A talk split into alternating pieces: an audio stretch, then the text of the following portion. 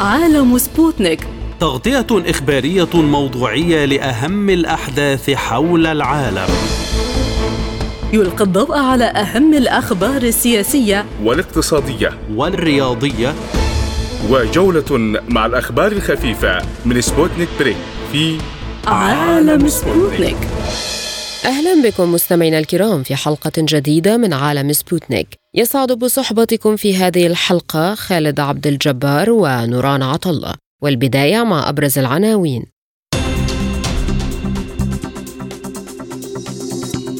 استمرار المعارك بين المقاومة الفلسطينية والجيش الإسرائيلي وأنباء عن محاصرة الجيش الإسرائيلي لغزة ونزوح الآلاف من الشمال للجنوب.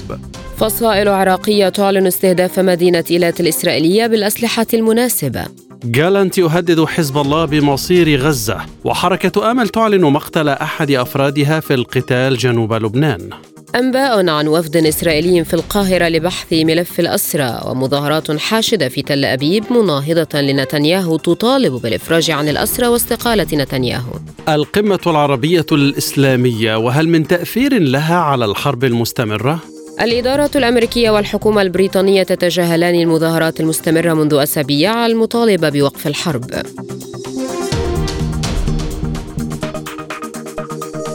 إلى التفاصيل. أعلن المتحدث باسم الجيش الإسرائيلي جوناثان كونيريكوس خلال مؤتمر صحفي للجيش أن الجيش الإسرائيلي دمر أكثر من 150 نفقا يستخدمها الجناح العسكري لحركة حماس الفلسطينية في قطاع غزة خلال العمليات العسكرية في المنطقة.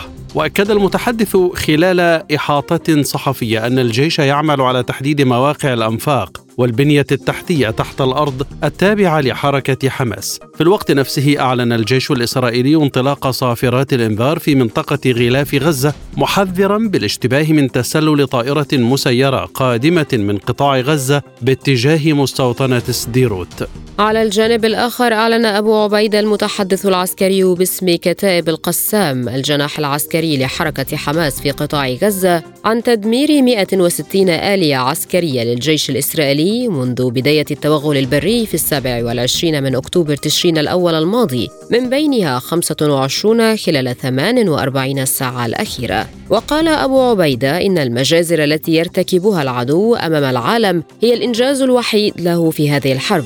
واعتبر أن الانتقام السهل والسريع للجيش الإسرائيلي يأتي لاسترضاء جبهته الداخلية. وأكد أبو عبيدة أن الدبابات والآليات الإسرائيلية تواجه مقاومة عنيفة واشتباكات ضارية تجبرها على التراجع وتغيير مسار التوغل. للمزيد ينضم إلينا من الناصره وائل عواد الكاتب الصحفي الفلسطيني. أستاذ وائل مرحبا بك. هل لديك معلومات عن آخر أخبار المعارك؟ أين وصلت؟ خاصة حول مجمع الشفاء بعد فقدان الاتصال به. يعني كل المحللين الإسرائيليين والجيش بدأوا يظهرون مستشفى الشفاء وكانه هو الرمز لسقوط غزة. وسمعت يعني محللين يقولون بأنه المجتمع الإسرائيلي يتوب بأن يرى علم إسرائيل يرفرف على مستشفى الشفاء وكانوا هذا علامة النصر التي ينتظرونها. وهم يعني يجاهرون باستهداف المستشفيات تحت شعار بأنه كل الأنفاق تحت الأرض مرتبطة ببعضها ومرتبطة بالمستشفيات. وفق تقارير إسرائيلية كانت في الأيام الأخيرة الجيش أخذ صحفيين إسرائيليين إلى قطاع غزة وقالوا أنهم يبعدون كيلومتر واحد فقط عن قطاع غزة عن عن عفوا عن, عن مستشفى الشفاء. وبشكل يومي تقريبا يقولون بأنهم يتقدمون نحوه، والسؤال ما هي وتيرة هذا التقدم؟ إذا كيلومتر يحتاج إلى كل هذه الأيام. الوضع الإنساني يعني أصبح معروفا للجميع لا حاجة لأن نعيد عليه، قاسي جدا التفاصيل من داخل القطاع ومن داخل المستشفيات تقول بأن هنالك كارثة إنسانية تحدث كل ثانية. إسرائيل تقول إن الرهائن ربما يكونون محتجزين داخل مجمع الشفاء، هل هذا أمر وارد؟ وامس سمعت محللين إسرائيليين يقولون إنه لا منذ اليوم الأول من السابع من أكتوبر الرهائن نقلوا إلى جنوب قطاع غزة.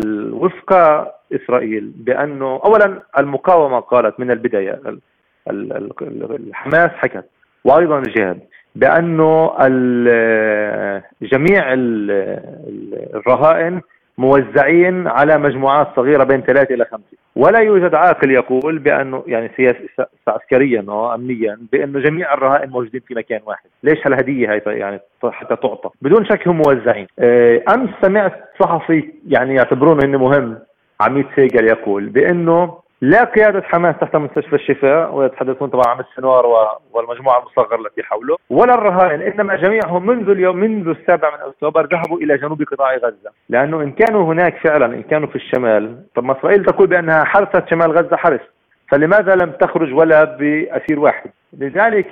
كل هذه التحليلات هي لإعطاء شرعية لما للتصرفات التي نراها على الأرض وكأنها غير نابعة من تصرف همجي إنما من معلومات. ولكن على الطريق خلال الحرب يتم تغيير التحليل والمعلومات وفقا لما آه، يصادفه ووفقا لمقتضيات حاجة المعركة. أستاذ وائل هل أصبح شمال غزة خاويا تماما من المواطنين وتحول إلى ساحة للمعركة البرية؟ لا التقديرات تقول بانه بين 150 ل 200 ألف هي تقديرات إسرائيلية على فكرة. آه، هم من نزحوا وبانه أكثر من 350 ألف ما زالوا. آه، ليس خاليا تماما الناس موجودة طبعا بكل الظروف الصعبة آه، كمية كبيرة من الناس نزحت آه، واحد نقطة سبعة مليون مواطن آه، الآن بدون مأوى في كل قطاع غزة. أغلبهم طبعا في شمال القطاع. الوضع هناك يعني كما نرى كما نرى دائما على كل شاشات العالم. وأمس استخدم افي دختر وهو أحد أعضاء الكابينت أو المجلس الوزاري المصغر الذي يدير الحرب ورئيس مخابرات سابق وزير مخابرات سابق. يقول بأنه هذه نكبة غزة وقال بأنه منذ المع... الصراع العربي الإسرائيلي لم يكن هنالك نزوح بهذه الكمية على وقعة واحدة ولكن هذا لا يعني بأن شمال قطاع غزة أصبح فارغا وبدون بدون ناس، هنالك أماكن دمرت بالكامل لم تعد تصلح للعيش سويت بالأرض طبعا، ولكن الناس موجودة في خيم، في بيوت مدمرة، في بيوت يعني ها لم تسقط تماما تماما، إيه، ما زالت في محيط بعض المستشفيات. ليس أنها تشعر بالأمان إنما ببساطة آه، أمامها البحر وليس أمامها مكان آخر تذهب إليه منظمة الصحة العالمية طالبت بوقف استهداف المستشفى وأعلنت أنها لا يمكنها الوصول إلى طواقمها الطبية هل يمكن أن يوقف ذلك إسرائيل؟ إسرائيل تعودت وعودت أنها لا تحترم لا صحة عالمية ولا. ولا هيئة أمم ولا مجلس أمن ولا قرارات ولا بطيخ بالعكس هي آه، تراها الآن تظهر بعض ال... بين قوسين عناد لدول أوروبية وحتى البيت الأبيض الذي بدأ يغير موقفه في الأيام الآن. أه ويعني أنا لا أفهم ما المعنى بأنه الصحة العالمية تقول الأطباء الأطباء. طب وباقي الناس التي استشهدت حول المستشفى؟ يعني لماذا يأتي هذا النداء الآن مثلا؟ ليه مش من الأسبوع الأول؟ طب ما الكوارث مستمرة منذ البداية. يعني في أهم دم أهم هل أهمية الدم تتعلق بنوع وظيفة الإنسان؟ ماذا يعمل مثلا؟ فلذلك هنالك حالة من النفاق العالمي وهنالك طمأنينة إسرائيلية بناء على تجربتها يعني. يعني اسأل مجرب ولا تسأل خبير اسأل اسرائيل ولا تسأل خبير. لانها في النهاية تنجو من أي حساب لاحق نتاج معادلات ومصالح وقضية طويلة. أعلنت فصائل عراقية مسلحة استهداف مدينة إيلات الإسرائيلية بالأسلحة المناسبة مؤكدة استمرارها في دك معاقل العدو. وقالت المقاومة الإسلامية في العراق في بيان إنه نصرة لأهلنا في غزة وردا على المجازر التي يرتكبها الكيان الغاصب بحق المدنيين الفلسطينيين من أطفال ونساء وشيوخ استهدف مجاهد المقاومة الإسلامية في العراق هدفا في أم رشراش إيلات المحتلة بالأسلحة المناسبة. وأكدت المقاومة الإسلامية في البيان استمرارها في دك معاقل العدو ولم توضح الفصائل ما إذا كان ما أطلقته قد بلغ الهدف أو أصابه من عدمه غير أنها أكدت الاستمرار في الاستهدافات دون خوض في التفاصيل. وكان مصدران أمنيان. قد أعلنا أن قاعدة الحرير الجوية العراقية التي تستضيف قوات أمريكية ودولية استهدفت بطائرة مسيرة مسلحة مضيفا أن الهجوم تسبب في تضرر البنية التحتية. كما أعلنت جماعة مسلحة عراقية أنها استهدفت قاعدة رميلان الأمريكية في سوريا بطائرتين مسيرتين. وقالت جماعة المقاومة الإسلامية في العراق إنها استهدفت القاعدة التابعة للاحتلال الأمريكي في سوريا بواسطة مسيرتين وأصابتا أهدافهما بشكل مباشر. في الوقت نفسه أعلن الجيش الإسرائيلي أنه قصف بنا تحتية وصفها بالإرهابية في سوريا. وقال الجيش في بيان له إن طائراته المقاتلة استهدفت قبل قليل بنية تحتية إرهابية في سوريا ردا على هجوم باتجاه هضبة الجولان. للمزيد من التعليق ينضم إلينا الكاتب والمحلل السياسي من بغداد أستاذ خالد الناصر. بعد التحية ماذا يعني فتح جبهة جديدة في العراق ضد إسرائيل؟ نعم مس مساء الخير عليكم. بصراحة هذا الأمر هذا الموضوع موضوع معقد. أنا أعتمد فيه الرؤية الحكومية للدولة العراقية.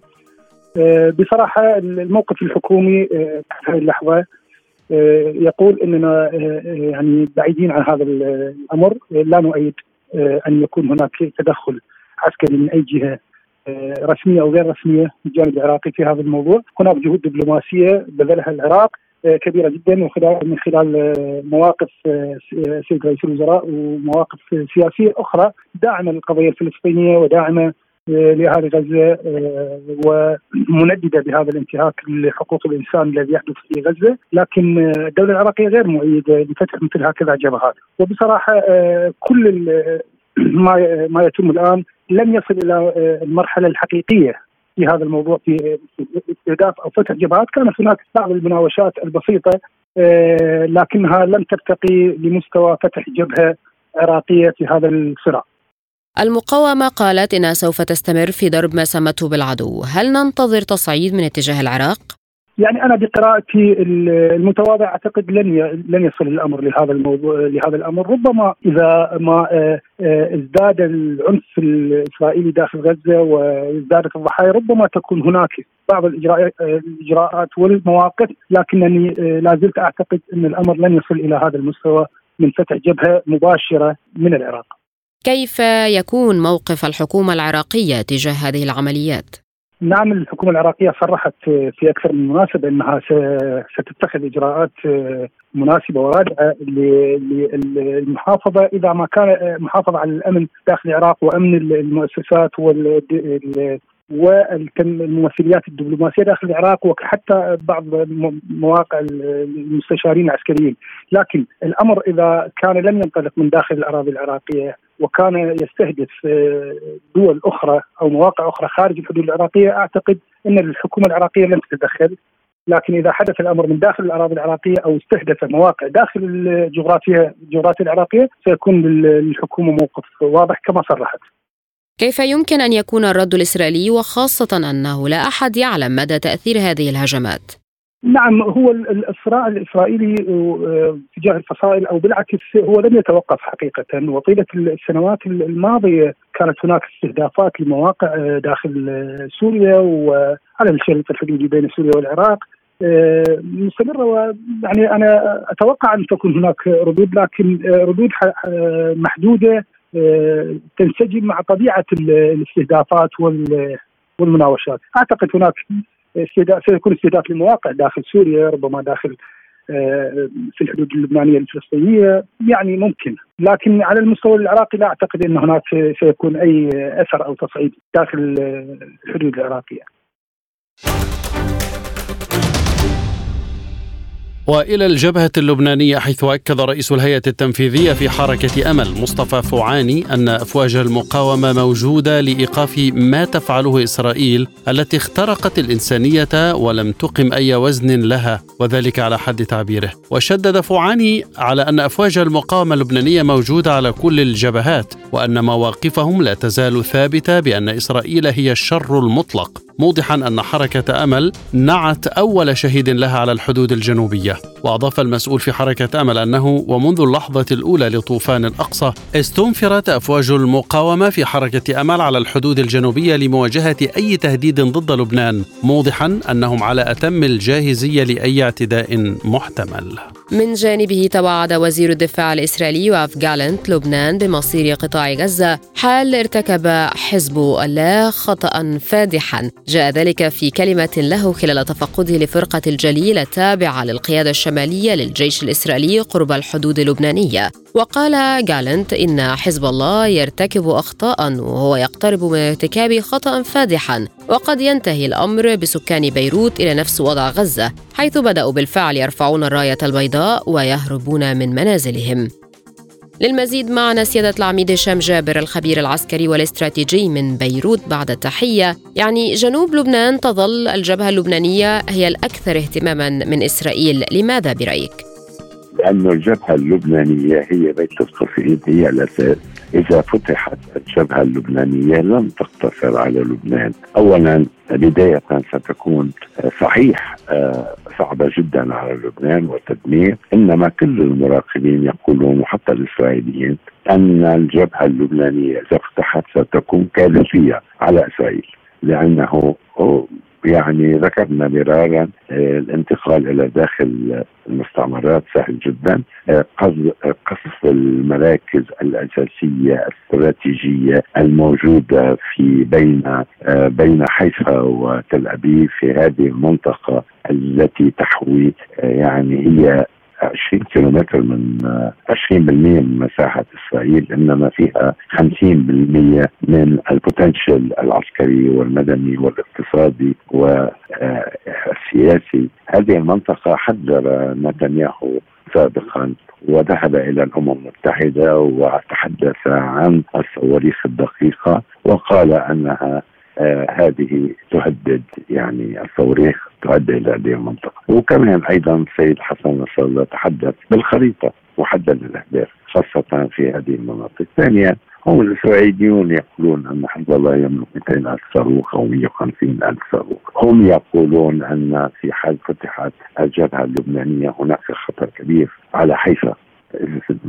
مرفأ حيفا يحوي يحوي مواد كيميائيه أخطر بكثير من أو أهم من ما حواه مرفأ بيروت. هم يقولون أيضا أن فتح الجبهة الجنوبية سيجعل حزب الله يستعمل صواريخ أرض بحر ويدمر منصات النفط والغاز ويعيد اسرائيل عشر سنوات إلى الوراء لذلك الجبهة الجنوبية هي بيت القصيد. الجبهة الجنوبية أنا برأيي جاءت الأساطير الأسطول الأمريكي وحملات الطائرات ومختلف يعني البحرية الغربية الفرنسية البريطانية لم تأتي إلى البحر المتوسط من أجل غزة لأنه غزة صغيرة والعدو الإسرائيلي يملك كثافة نيران وأسلحة يستطيع أن يتعامل معها ليس بحاجة لهذه الأساطير غزة. جاءت هذه الأساطير من أجل الجبهة الجنوبية لأنه إذا فتحت كما ذكرنا ستكون كارثية إذا فتحت ستمتد إلى جبهات أخرى ربما سوريا ربما العراق ربما اليمن يعني فهذا وقد ثبت ذلك يعني عند وصول حملة الطائرات جيرالد فورد أخبر الأمريكيون الحكومة اللبنانية أننا لم نأتي لكي نتعرض للبنان إنما إنما وهذه الانما خطيرة آه يجب إقناع حزب الله بعدم فتح الجبهة الجنوبية لأنه في هذه الحالة ستضطر البواجب الأمريكية لقصف آه أهداف لحزب الله داخل لبنان. يعني باختصار الجبهة الجنوبية ربما ستورط المنطقة بأسرها ستكون حرب إقليمية ولا أحد يدري إذا امتدت إلى أكثر من ذلك. هذا هو سبب عدم فتح الجبهة الجنوبية من قبل حزب الله حتى الآن لأنه يعرف أن هذه يعني خطيرة جدا ستسبب حتما حتما ستسبب دمارا للبنان والعدو الإسرائيلي يعني حسب التجربة في غزة لا يجد من يردعه إلا ردعه بالقوة. فصحيح لو كانت لو كانت أنا برأيي هذه المعركة الأخيرة ضد إسرائيل ربما دخل حزب الله وفتح هذه الجبهة من اليوم الأول ولكنه يتصرف بحكمة بشجاعه بدراية يراعي من وراءه يعني حتما الجبهة الداخلية ولا يريد أن يكون مسؤولا عن اندلاع حرب إقليمية وربما عالمية في الوقت الغير مناسب. هذا هو الجواب. هل يمكن أن تنزلق الأمور إلى فتح الجبهة اللبنانية لحرب مفتوحة؟ نعم ممكن ممكن. وقال سيد نصر الله يعني بكل صراحة قال نحن مستعدون لكل شيء. نحن حتى الآن يعني خلال آه خمسة أسابيع يعني منذ 7 أكتوبر الماضي نحن تضامنا مع غزة ونرد الساعة ساعين والضربه ضربتين ومستعدون يعني. نحن نفتح الجبهه ساعة نرى ذلك مناسبا. ليس ممكن تمتد. وقال صراحة ذلك يتوقف يتوقف على سلوك إسرائيل آه، في الميدان. أولا في غزة أنا لا أعتقد يعني سلوك إسرائيل في غزة العالم كله يشاهده. لا أعتقد أن الجبهة الجنوبية إذا فتحت ستنقذ أطفال غزة يعني إنما إنما قال كمان سيدنا صلى الله سلوكهم في لبنان أنا يا سيدتي شخصيا أخشى أن السيد نتنياهو الذي لن يحقق أهدافا عسكرية التي تحدث عنها في غزة هو القتل والدمار وقصف المستشفيات. يمكن يمكن أن يورط الولايات المتحدة الأمريكية ويفتح هو من جانبه الجبهة الجنوبية. وهذا وزير وزير الدفاع الإسرائيلي عندما ترون آه، طائرات الإسرائيلية تقصد بيروت معناتها فتحت الجبهة على مدى واسع. ماذا تمثل حركة أمل بالنسبة للمقاومة؟ هي حركة أمل يعني حركة آه، حريفة للمقاومة وهي أساسا هي التي انبثقت منها آه، حركة المقاومة حزب الله بعام 1982 آه، حركة أمل موجودة بس وحليف للمقاومة إنما ليست يعني ليس لها نشاط عسكري في الجنوب مبدئيا إنما لها وجود عسكري مما لا شك فيه. ليس لدى حركة عمل الصواريخ والأسلحة المتطورة والسيارات التي يملكها حزب الله إنما لا يمكن الإنكار أنها موجودة ليس فقط سياسيا موجودة. عسكريا إلى حد كبير. هي منظمة أنشأها الإمام الصدر والسيد حسين الحسيني فاستمر مع السيد نبيل الري لا يمكنها إلا أن تساند حزب الله لأن حزب الله يساندها سياسيا في لبنان.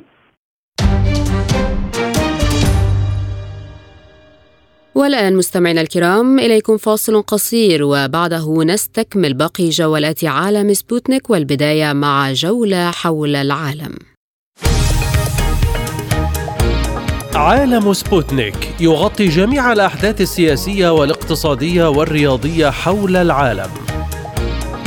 على مدار ساعة تتابعون عالم سبوتنيك مع أهم خبراء التحليل السياسي والاقتصادي. نقترب معكم في متابعة دقيقة من القضايا السياسية والاقتصادية. كما نستعرض أهم الأخبار الرياضية والفنية والبيئية. انتظروا عالم سبوتنيك أيام الجمعة والسبت والأحد من كل أسبوع. ملفات ساخنة برنامج يسلط الضوء على أهم القضايا الحرجة في العالم. في ملفات ساخنة نستعرض القضايا مع جميع الأطراف ومن كل الزوايا لاستجلاء الحقيقة. ملفات ساخنة يستضيف أهم الخبراء وأجرأ الضيوف تابعوا ملفات ساخنة مع راديو سبوتنيك أيام السبت والثلاثاء والخميس من كل أسبوع. عالم سبوتنيك مستمر معكم وهذه جولة من الأخبار حول العالم. أعلن رئيس الوزراء الإسرائيلي بنيامين نتنياهو أن إسرائيل ترفض عودة السلطة الفلسطينية مجددا لإدارة قطاع غزة بعد الحرب. وقال نتنياهو خلال مؤتمر صحفي في تل أبيب لن تكون هناك سلطة مدنية تعلم أبنائها كراهية إسرائيل وقتل الإسرائيليين والقضاء على دولة إسرائيل. على حد قوله. وأضاف لا يمكن أن تكون هناك سلطة في غزة لم يدن رئيسها مذبحة السابع من أكتوبر بعد مرور ثلاثين يوما عليها في إشارة إلى الهجوم الذي شنته حركة حماس. واعتبر نتنياهو أنه في كل الأحوال يجب أن تكون لدينا سيطرة أمنية في القطاع مؤكدا أن الجيش سيبقى في غزة ما دعت الضرورة لذلك لمنع استخدام القطاع لشن هجمات ضد إسرائيل. من جانبها طلبت الولايات المتحدة توضيحا بشأن تصريحات رئيس الوزراء الإسرائيلي بنيامين نتنياهو التي قال فيها إن تل أبيب ستتحمل المسؤولية الأمنية في قطاع غزة لفترة غير محدودة بعد الحرب ضد حركة حماس. وذكرت هيئة البث الإسرائيلية أن الإدارة الأمريكية طلبت توضيحا حول المقصود ومعنى السيطرة الأمنية طوال الوقت. أعلنت المملكة الأردنية الهاشمية أن طائرة تابعة لسلاح الجو الأردني نفذت عملية إنزال في قطاع غزة للمرة الثانية خلال الأسبوع الجاري. وحسب ما أفادت وكالة الأنباء الأردنية الطائرة كانت تحمل مساعدات طبية عاجلة وتم إنزالها باستخدام مظلات لصالح المستشفى الميداني الأردني في قطاع غزة. بدوره أعلن الجيش الأردني في بيان أن هذه الخطوة جاءت في إطار التعاون مع دولة الإمارات وقطر بهدف تعزيز وتطوير إمكانيات المستشفى وتعزيز قدرة الكوادر الطبية على تقديم خدمات صحية وعلاجية للتخفيف من معاناة السكان في القطاع. وأشار الجيش الأردني إلى أن المستشفى يستمر في أداء مهمته رغم التحديات الصعبة التي يواجهها نتيجة للهجمات الإسرائيلية المستمرة على القطاع.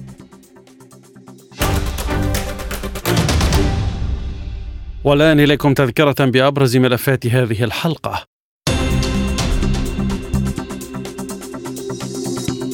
استمرار المعارك بين المقاومة الفلسطينية والجيش الإسرائيلي وأنباء عن محاصرة الجيش الإسرائيلي لغزة ونزوح الآلاف من الشمال للجنوب.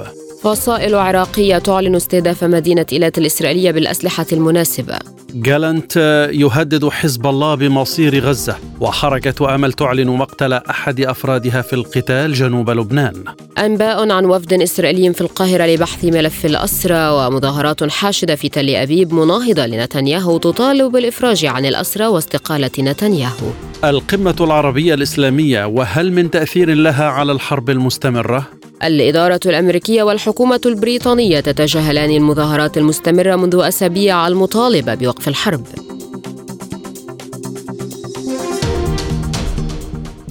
شهدت تل أبيب مظاهرات حاشدة شارك فيها مئات الأشخاص طالبوا السلطات الإسرائيلية ورئيس الحكومة بنيامين نتنياهو بالإفراج عن الأسرى وإعادتهم وتوافد المتظاهرون إلى ساحة متحف تل أبيب التي باتت تعرف بساحة المختطفين ورفعوا صور نحو 240 أسيرا تحتجزهم حماس في غزة ورفع المتظاهرون لافتات كتب عليها صفقة تبادل الأسرى والمختطفين الآن والرهائن أولا وخلاص الأسرى الآن. في الوقت نفسه تظاهر مئات الأشخاص أمام مقر إقامة رئيس الوزراء بنيامين نتنياهو في قيسارية مطالبين باستقالته.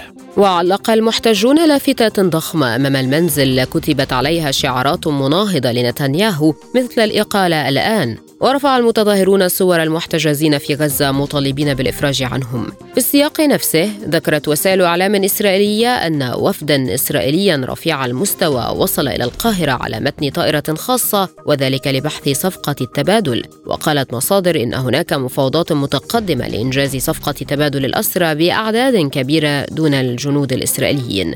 كما قالت إنه بموجب الصفقة التي ستتبلور ستفرج إسرائيل عن اسرى فلسطينيين وستوافق على إدخال الوقود. وأفادت هيئة البث الإسرائيلية أن حماس تطالب بالوقود وفترات طويلة لوقف إطلاق النار والإفراج عن الأسرى في السجون الإسرائيلية. من القاهرة ينضم إلينا الدكتور طارق فهمي أستاذ العلوم السياسية بالجامعة الأمريكية. دكتور طارق ما حقيقة تلك الأنباء إذن عن الوفد الإسرائيلي في القاهرة؟ هو طبعا في حالة حراك كبيرة باتجاه القاهرة بعد زيارة وفد حماس لمصر خلال الأيام الأخيرة. وضم الوفد كما تعلم السيد إسماعيل هنية وخالد مشعل وخليل الحية. اليوم طبعا في اتصالات إسرائيلية مصرية مباشرة. القاهرة في قلب ما يجري من تطورات جزء منها هو مرتبط بحالة الزخم حول ما يجري بالنسبة لقضية الرهائن والأسرة. هناك على الجانب الآخر تحركات من جانب قطر. لمحاولة لتقريب وجهات النظر. الإدارة الأمريكية دخلت على الخط من خلال مدير المخابرات المركزية آه، وأيضا نظيره آه، في الموساد.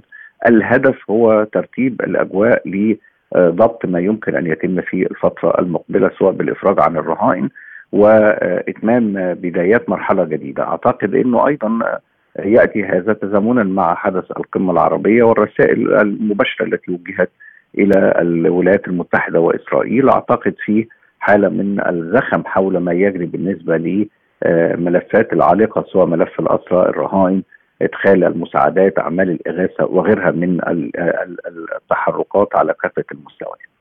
لكن ما هو التصور المصري لحل مشكلة الأسرى؟ هل هو مقايضة جزئية أم كلية؟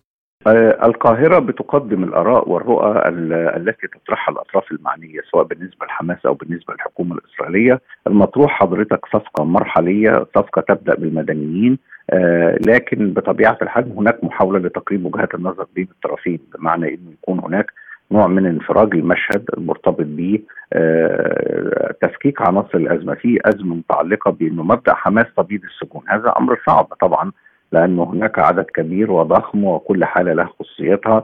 هناك أسرى تاريخيين هناك أسرى قيادات وقيادات تحظى بالتواجد في السجون من سنوات. الإفراج عنهم سيتم وفق مقايضات معينة. بعضهم يعمل في وممثل لعدد من الجبهات والفصائل الكبيرة. بالتالي وطبعا الحالات الخاصة بالنساء والأطفال لأن هناك عدد أيضا موجود بنسبة كبيرة. فبالتالي وشيوخ. فبالتالي الأمر يحتاج إلى معايير وضوابط. فالجانب الإسرائيلي عرض فكرة الخروج الآمن لعدد من المدنيين مقابل مناظرهم من آه، المدنيين في السجون الإسرائيلية. لكن كل طرف بيقدم أقصى ما لديه من عناصر للتفاوض وبالتالي آه، تمضي الأمور في سياقها.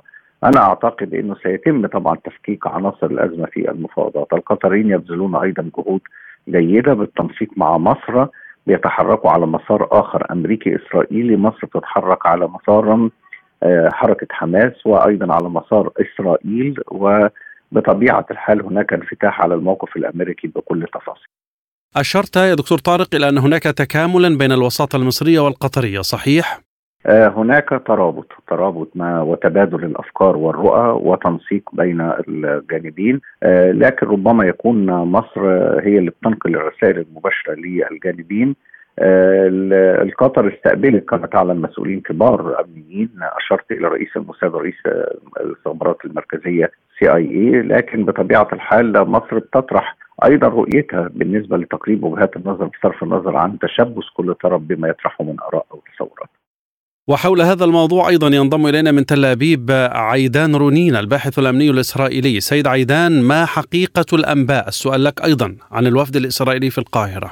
حقيقة الأنباء هي في هذه في هذه المرحلة آه، هي غير معروفة بالدقه وهذا أحسن وهذا جيد لأن دردشه دردشه كثيرة في هذا المسألة الحساسة لن تفيدنا هذه المسألة حساسة للغاية. نحن نتكلم عن مخطوفين ورهائن محتجزين لدى الحركة الإسلامية الفاشية. نحن لسنا نعلم بدقيق هل مقصود بمخطوفين وإسرائيليين ذو الجنسية الإسرائيلية أو جنسيات أخرى. طبعا لتذكير للجميع آه، يوجد هناك أكثر من 30 دولة آه، لديها مواطنيها آه، مخطوفين من قبل الحركة الإسلامية الفاشية. وعلي وإسرائيل بالفعل هي ليس متورطة بشكل مكثف في هذه المفاوضات. هذا هو أمر ما بين آه، مصر وقطر وأمريكا. طبعا لإسرائيل لها آه، آه، تأثير بشكل ما بشكل معين ولكن ليس تأثير قوي. نحن لسنا نعلم التفاصيل بالدقة بهذه المرحلة. طيب هل هناك تصور إسرائيلي أبلغتموه أنتم للأمريكيين لحل مشكلة الأسرى؟ الحقي هو يعني شوف يوجد هناك فرق ما بين ما يطلبون العائلات وبين ما تسعى إليه الحكومة الإسرائيلية. العائلات تطلب يعني الكل مقابل الكل. يعني إطلاق سراح كل الأسرى الفلسطينيين في سجناء الإسرائيليين مقابل كل 240 المخطوفين الإسرائيليين. ولكن على حد معرفتنا هذا لا ما يحصل. نحن نتكلم حاليا عن إطلاق سراح ما بين 50 و 50 و 100 مخطوفين. معظمهم هو في الأجيال في يعني أطفال وربما شوي من الشيوخ. وهذا مقابل يعني ثلاثة أيام لهدوء أو أربع أيام لهدوء. ولكن إسرائيل عازمة حتى بعد نهاية آه، آه، عملية إطلاق السراح المخطوفين عازمة إسرائيل على استمرار آه، قصف حماس إلى محوها من الوجود. هذا هي من التفاصيل المعروفة لنا بهذا بهذه المرحلة. سيد عيدان هل من الوارد أن تتجاهل الحكومة الإسرائيلية ملف الأسرى أو تخاطر بهم؟ ملف الأسرى هو طبعا هو أمر حساس جدا للغاية وهذا لم يزال غامض آه، بين الأمور الأخرى وهي تحت غموض. آه، إسرائيل طبعا آه، الحكي في إسرائيل هو إطلاق سراح اسرى ليس لديهم ما يسمى دم على أيديهم أو يعني كما كما كما يسمونهم في إسرائيل اسرى ثقيلين يعني اسرى يعني ارتكبوا أبشع الجرائم. نحن نتكلم عن ربما اطلاق سراح هنا في إسرائيل أسرى فلسطينيين والجرائم هم يرتكبونها يرتكبونها هي جرائم خفيفة بشكل نسبي جرائم خفيفة. آه، آه، وهذا هو المقصود. آه، وكما قلت قبل شوي لسنا نعلم بدقيق كل التفاصيل وبدقة الصمت بهذه المسألة من من الأحسن لنتبقى صامتين. طبعا لسنا نعلم حتى النهائية حتى اللحظة النهائية ماذا ستكون كل تفاصيل بدقيق في ضوء المظاهرات الحاشدة هل يمكن استقالة أو إقالة نتنياهو خلال الحرب؟ طبعا يعني من المتوقع من المتوقع لا أحد يلغي هذا هذا ما حدا يلغي هذا الخيار ولكن نحن هنا في إسرائيل نحن الآن لا نتكلم عن هذا عن هذا هذا الموضوع لأننا إحنا متركزين فقط بالانتصار واكتساب الانتصارات ليس فقط في الجبهة الجنوبية وإنما في الجبهة الشمالية كمان. طبعا يوجد هناك آه، شوي من الحديث ليس بشكل مكثف لأننا حتى وسائل الإعلام آه، وهذا يفاجئني حتى وسائل الإعلام العبرية هم حاليا متركزين ب آه، بشجاعه القادة الإسرائيلية للانتصار والقضاء على آه، حماس. يوجد هناك شوي يعني حديث قليل آه، حديث قليل وبشكل غير مباشر عن المستوى السياسي في إسرائيل والجميع يتحدث عن استبدال الحكومة بشكل كذا أو آخر ولكن لسنا في هذه المرحلة في إسرائيل. نحن لسنا متركزين في ماذا راح يكون السيناريو السياسي آه، ونحن آه، في نفس الوقت نحن مشغولين بالمحاربة وقصف وقضاء على الحماس. وجه الكثير من المراقبين انتقادات حادة للقمة العربية الإسلامية التي عقدت بالرياض. حيث علق كثيرون أملا كبيرة على اتخاذ قادة وزعماء 57 دولة عربية وإسلامية قرارات من شأنها إيقاف الحرب على غزة وحقن دماء المدنيين وخاصة الضحايا من الأطفال والنساء. بينما ثمن آخرون البيان الختامي للقمة وأكدوا أنها أعطت رسالة مبدئية على تحالف عربي وإسلامي كبير. وطالب البيان الختامي الصادر عن القمة العربية الإسلامية المشتركة في الرياض بإنهاء ما وصفه بالعدوان الإسرائيلي على غزة وكذلك جرائم الحرب والمجازر البربرية والوحشية وغير الإنسانية. وقال البيان الختامي إن القمة ترفض توصيف هذه الحرب الانتقامية بأنها دفاع عن النفس وتطالب بإنهاء الحصار على غزة ودخول قوافل المساعدات الإنسانية بما في ذلك الغذاء والدواء والوقود فورا. كما طالب بيان القمة مجلس الأمن التابع للأمم المتحدة باتخاذ قرار حاسم وملزم يفرض وقف العدوان. ودعا بيان القمة المحكمة الجنائية الدولية إلى إجراء تحقيق فيما وصفها بجرائم حرب وجرائم ضد الإنسانية ترتكبها إسرائيل ضد الشعب الفلسطيني في كافة الأراضي الفلسطينية. المحتلة. كما دعا البيان جميع الدول إلى وقف تصدير الأسلحة والذخائر إلى إسرائيل التي يستخدمها جيشها والمستوطنون الإرهابيون الذين يقتلون الشعب الفلسطيني ويدمرون منازلهم. وقال بيان القمة إن السلام العادل والدائم والشامل هو السبيل الوحيد لضمان الأمن والاستقرار لشعوب المنطقة. وتستمر المظاهرات الداعمة للفلسطينيين في أنحاء مختلفة من العالم لا سيما في أكثر الدول الداعمة لإسرائيل وأهمها الولايات المتحدة وبريطانيا حيث شهدت العاصمة البريطانية لندن السبت مظاهرة حاشدة شارك فيها مئات الآلاف. وتأتي هذه المظاهرات بعد أن أثارت وزيرة الداخلية سويلا برافرمان جدلا بعد وصفها الاحتجاجات بأنها مسيرات كراهية. للمزيد ينضم إلينا من لندن أستاذ عبد الباري عطوان المحلل السياسي بعد التحية يعني هل حدثت خلافات في كواليس القمة حول تبني قرارات محددة؟ نعم يعني هناك خلاف كبير جدا حصل يعني هناك ناس في جناح كان يريد آه، أن تصدر قرارات أو يعني أو آه، يعني مواقف عملية للتصدي لهذا الهجوم الإسرائيلي الذي أدى إلى مقتل على الأقل 5000 أو استشهاد 5000 طفل وأكثر من 11000 آه، إنسان. فكانوا يريدون بعض الجناح مثلا جناح إيران في هذه القمة جناح الجزائر جناح آه، تونس. كانوا يريدوا مواقف قوية آه، تلزم إسرائيل بوقف هذا الهجوم. لكن للأسف هناك جناح آخر قريب من الولايات المتحدة الأمريكية ويخطط معها واستطاع أن آه، يعني يؤثر على البيان الختامي يؤثر على القرارات الختامية لهذه القمة، خلافات موجودة والخلافات أصلا موجودة قبل أن تبدأ هذه القمة، هناك من يعتقد بأنه لا فائدة منها على الإطلاق مجرد بيان إنشائي، آه، تغيب الرئيس الجزائري، تغيب آه، الرئيس التونسي، وتغيب آه، يعني سلطان عمان. فهذا وكثير من القادة تغيبوا. فهذا يوحي بأن الخلافات بدأت قبل القمة وتكرست داخل هذه القمة. هل كان يعلق كثيرون امالا كبيرة على هذه القمة؟ لا حقيقة إذا نظرنا إلى الشارع العربي فنجد أن هذا الشارع العربي فقد الثقة بكل القمم العربية. فقد الثقة في منظمة التعاون الإسلامي فقد الثقة في الجامعة العربية ولم يعر هذه القمة أي اهتمام على الإطلاق.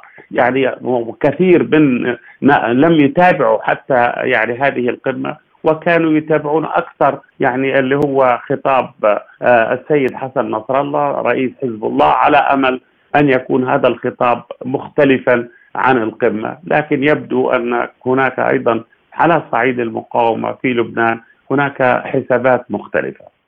لماذا لا يتخذ القادة العرب خطوات عملية لدعم فلسطين رغم أنهم يرون أمريكا تمد إسرائيل بكل شيء؟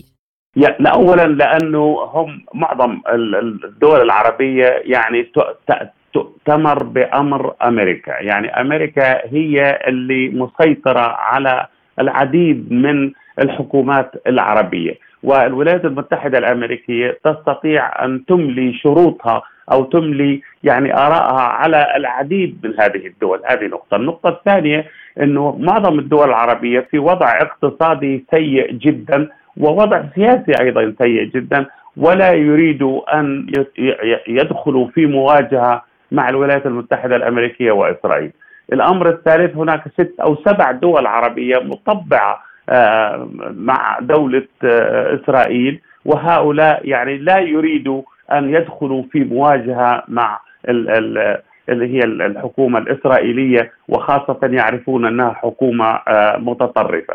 فهذه المواقع الثلاثة أو هذه المعسكرات الثلاث اولا التطبيع، ثانيا الخوف من الولايات المتحدة الأمريكية، ورابعا آه، أو ثالثا في هناك أزمات اقتصادية متفاقمة يفضل معظم هذه الأنظمة البقاء في السلطة وعدم المغامرة بأي حرب أو أي صدام مع إسرائيل والولايات المتحدة الأمريكية.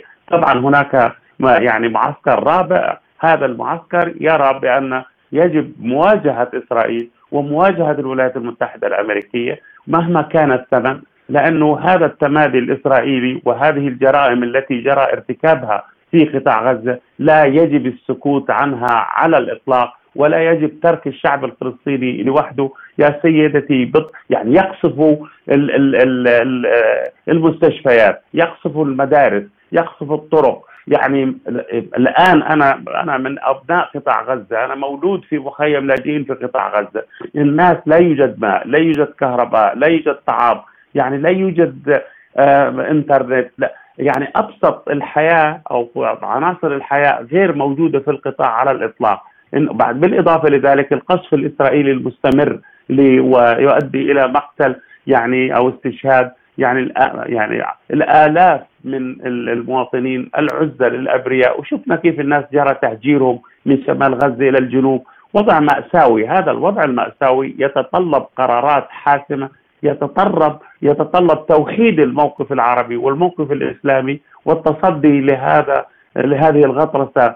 الإسرائيلية المدعومة امريكيا بالمال والسلاح والسياسة. ألا يخشى القادة من غضبة الشعوب العربية مع كل هذه الانتهاكات التي تحدث ضد الفلسطينيين؟ نعم آه هذا سؤال وجيه جدا حقيقة يعني وجيه بمعنى أنه العرب الآن حقيقة يعني في حالة غليان الشارع العربي في حالة غليان غير مسبوقة يعني نكبة عام 1948 هذه النكبة أدت إلى حدوث انقلابات و تغييرات في الأنظمة. وشاهدنا يعني انقلابات عسكرية في مصر في العراق في سوريا في آه، في ليبيا في أكثر من مكان.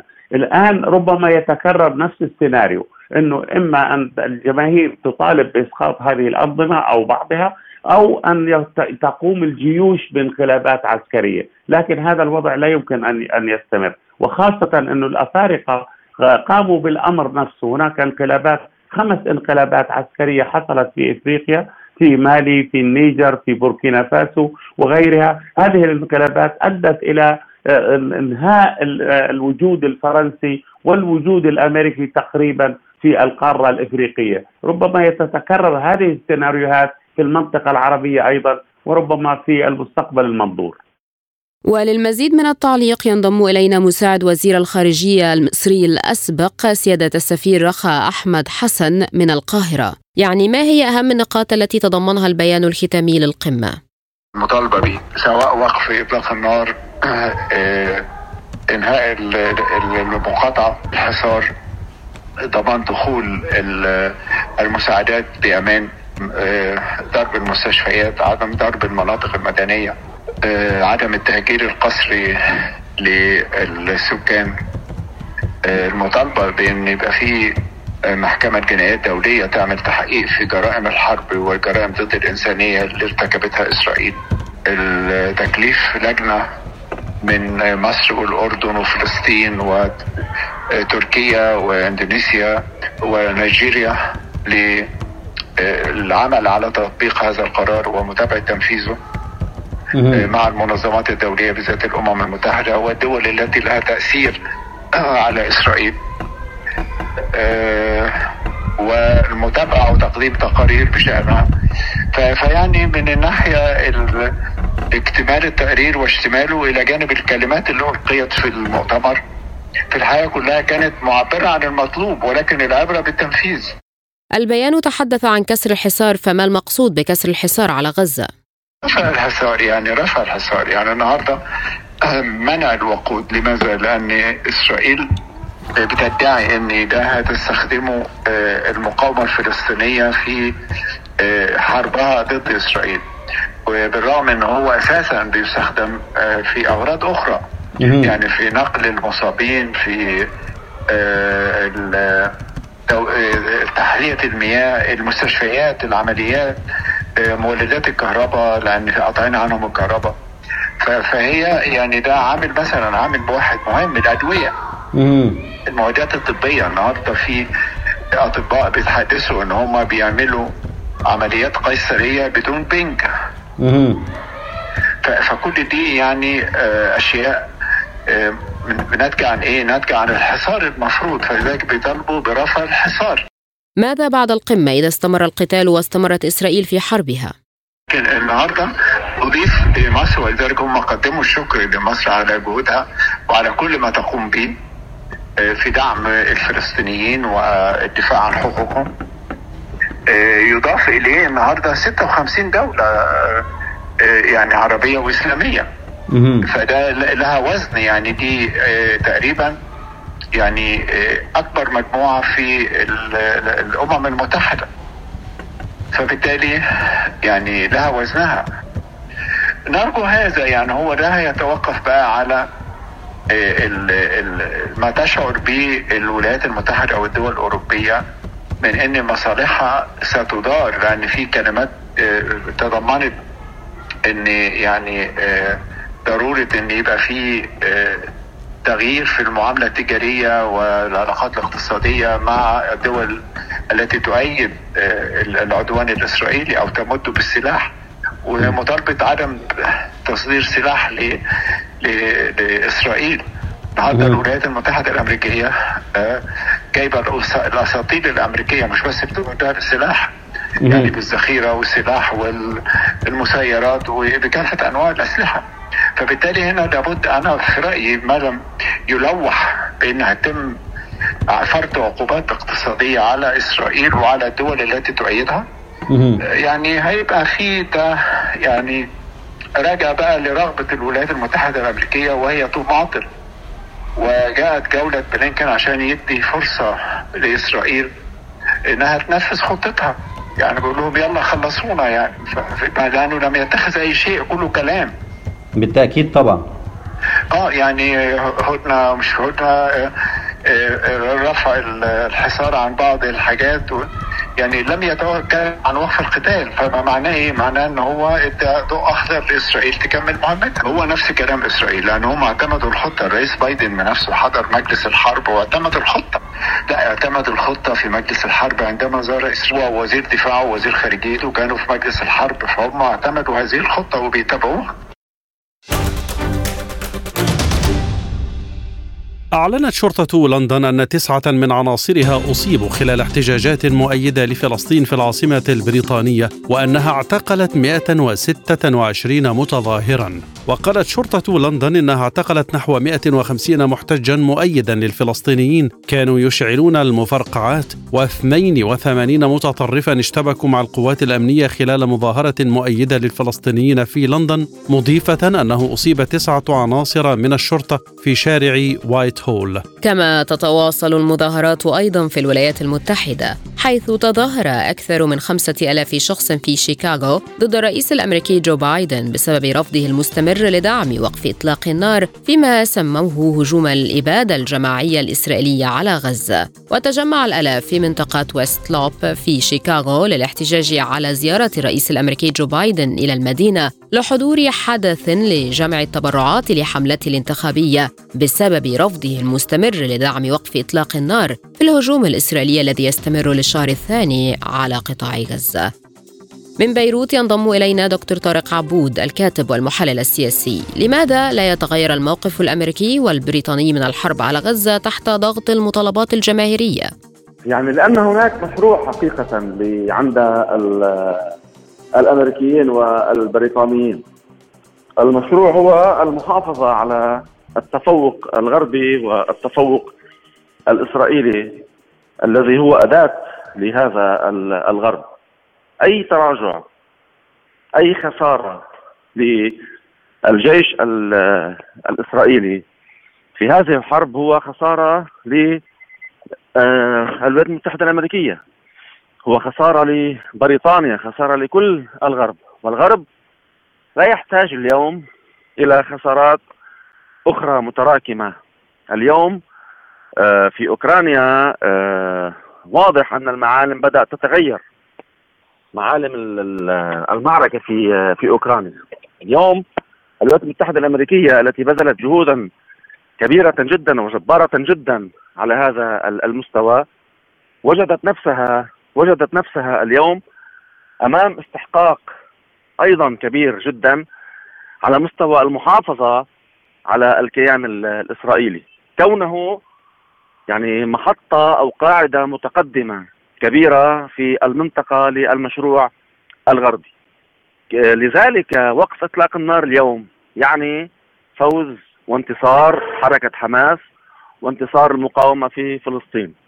يريد الأمريكيون منح الإسرائيليين بعض الوقت والكثير من القنابل القاتلة والأسلحة والدعم السياسي في المؤسسات الدولية وفي الإعلام ومن أجل الحصول على منجز ما على صورة نصر للجيش الإسرائيلي حتى يبنوا عليها سرديتهم اللاحقة والبدء في مفاوضات يعني جدية لاطلاق الأسرى وتبادل الأسرى بين الفلسطينيين وبين الإسرائيليين، غير ذلك لا يرضى الأمريكيون ولا البريطانيون بهزيمة واضحة للمشروع أو للجيش الإسرائيلي الذي انهار حقيقة لكن هل هذه المصالح التي أشرت إليها مع إسرائيل تسمح بتمرير كل هذه الانتهاكات للقوانين الدولية؟ القوانين الدولية وحقوق الإنسان وهذه الثرثرة التي يعني يقولها الغرب أو يرويها الغرب للناس هي أدوات عند المشروع الغربي عند الأمريكيين. هم لا يعترفون بشيء. أعيدك إلى العام 2003 عندما اجتاح الأمريكيون العراق تحت أي ذريعة. اجتاح الجيش العراقي والبريطاني العراق وقتلوا أكثر من مليون مواطن تحت حجة أن العراق يمتلك أسلحة دمار شامل وتخطوا مجلس الأمن في هذا الموضوع في ليبيا كان هناك مشروع قرار في مجلس الأمن آه، أيام يعني معمر القذافي بال 2011 إنه فرض حصار جوي على الطائرات المقاتلة الليبية. في لحظة ما تدخل حلف الناتو وبدأ بقصف ليبيا تحت أي عنوان أو أي حجة. هذه سرديه أصبحت ممجوجة وأصبحت مكشوفة. الوجه البشع والمتوحش للغرب انكشف اليوم أمام كل العالم وسائل التواصل وسائل الإعلام التي تتابع اليوم وتنقل الصورة من من غزة كشفت بشاعه آه، وجه الغرب. أمام جمهوره وأمام مواطنيه وأمامنا نحن كخصوم في آه، الجنوب العالمي. وخصوم للمشاريع الغربية في في العالم. نحن كنا يعني آه، كاشفين لهذه السردية المزيفة حقيقة. ولكن اليوم انكشف الموضوع أمام كل العالم. لذلك نشهد هذه التظاهرات وردات الفعل غير المتوقعة. وهذا الاندهاش والتفاجؤ حقيقة بما يحصل في في غزة. ومن خلال التغطية الأمريكية البريطانية لآلة القتل والدمار آه، الإسرائيلية. هل يمكن أن يكون للمظاهرات المستمرة وتجاهلها اثرا على الانتخابات القادمة في الولايات المتحدة وبريطانيا؟ بالتأكيد اولا بالولايات المتحدة الأمريكية الحزب الديمقراطي يعول على ولايات فيها كثير من المسلمين ومن العرب وحتى من الملونين فهناك مشكلة على مستوى آه، يعني خوض الرئيس جو بايدن هذه الانتخابات. وهناك مئات آلاف الأصوات إذا لم نقل ملايين الأصوات. سيخسرها الديمقراطيون في هذه الانتخابات لأن الانحياز الواضح للإسرائيليين سيؤثر في آه، رأي الناخب الأمريكي في العام 2024 فالانتخابات ستكون محطة مفصلية حقيقة وفرصة لمحاسبة الحزب الديمقراطي على مواقفه المتطرفة والمتشددة والمنحازة للإسرائيليين في آه، هذه الحرب. ببريطانيا طبعا الواقع أقل يعني سخونة لأن يعني حزب العمال والمحافظين يعني التنافس بينهم ليس كبيرا والمحافظون يعني فازوا أكثر من مرة في الانتخابات ولكن الرأي رأي الشعب البريطاني اليوم يعني المظاهرات التي تحصل في لندن وجمعت أكثر من 500 ألف متظاهر. هذا رقم ليس هينا. أن بي بي كمان بأدنبرا وفي عدد من العواصم العالمية في ويلز وفي اسكتلندا وفي غيرها من من العواصم. يعني هناك رأي عام يتشكل آه، بمواجهة آه، الانحياز أو يعني التطرف الأمريكي آه، بالمنحاز إلى آلة القتل الإسرائيلية. ختام عالم سبوتنيك إليكم تذكرة بأبرز ملفات هذه الحلقة.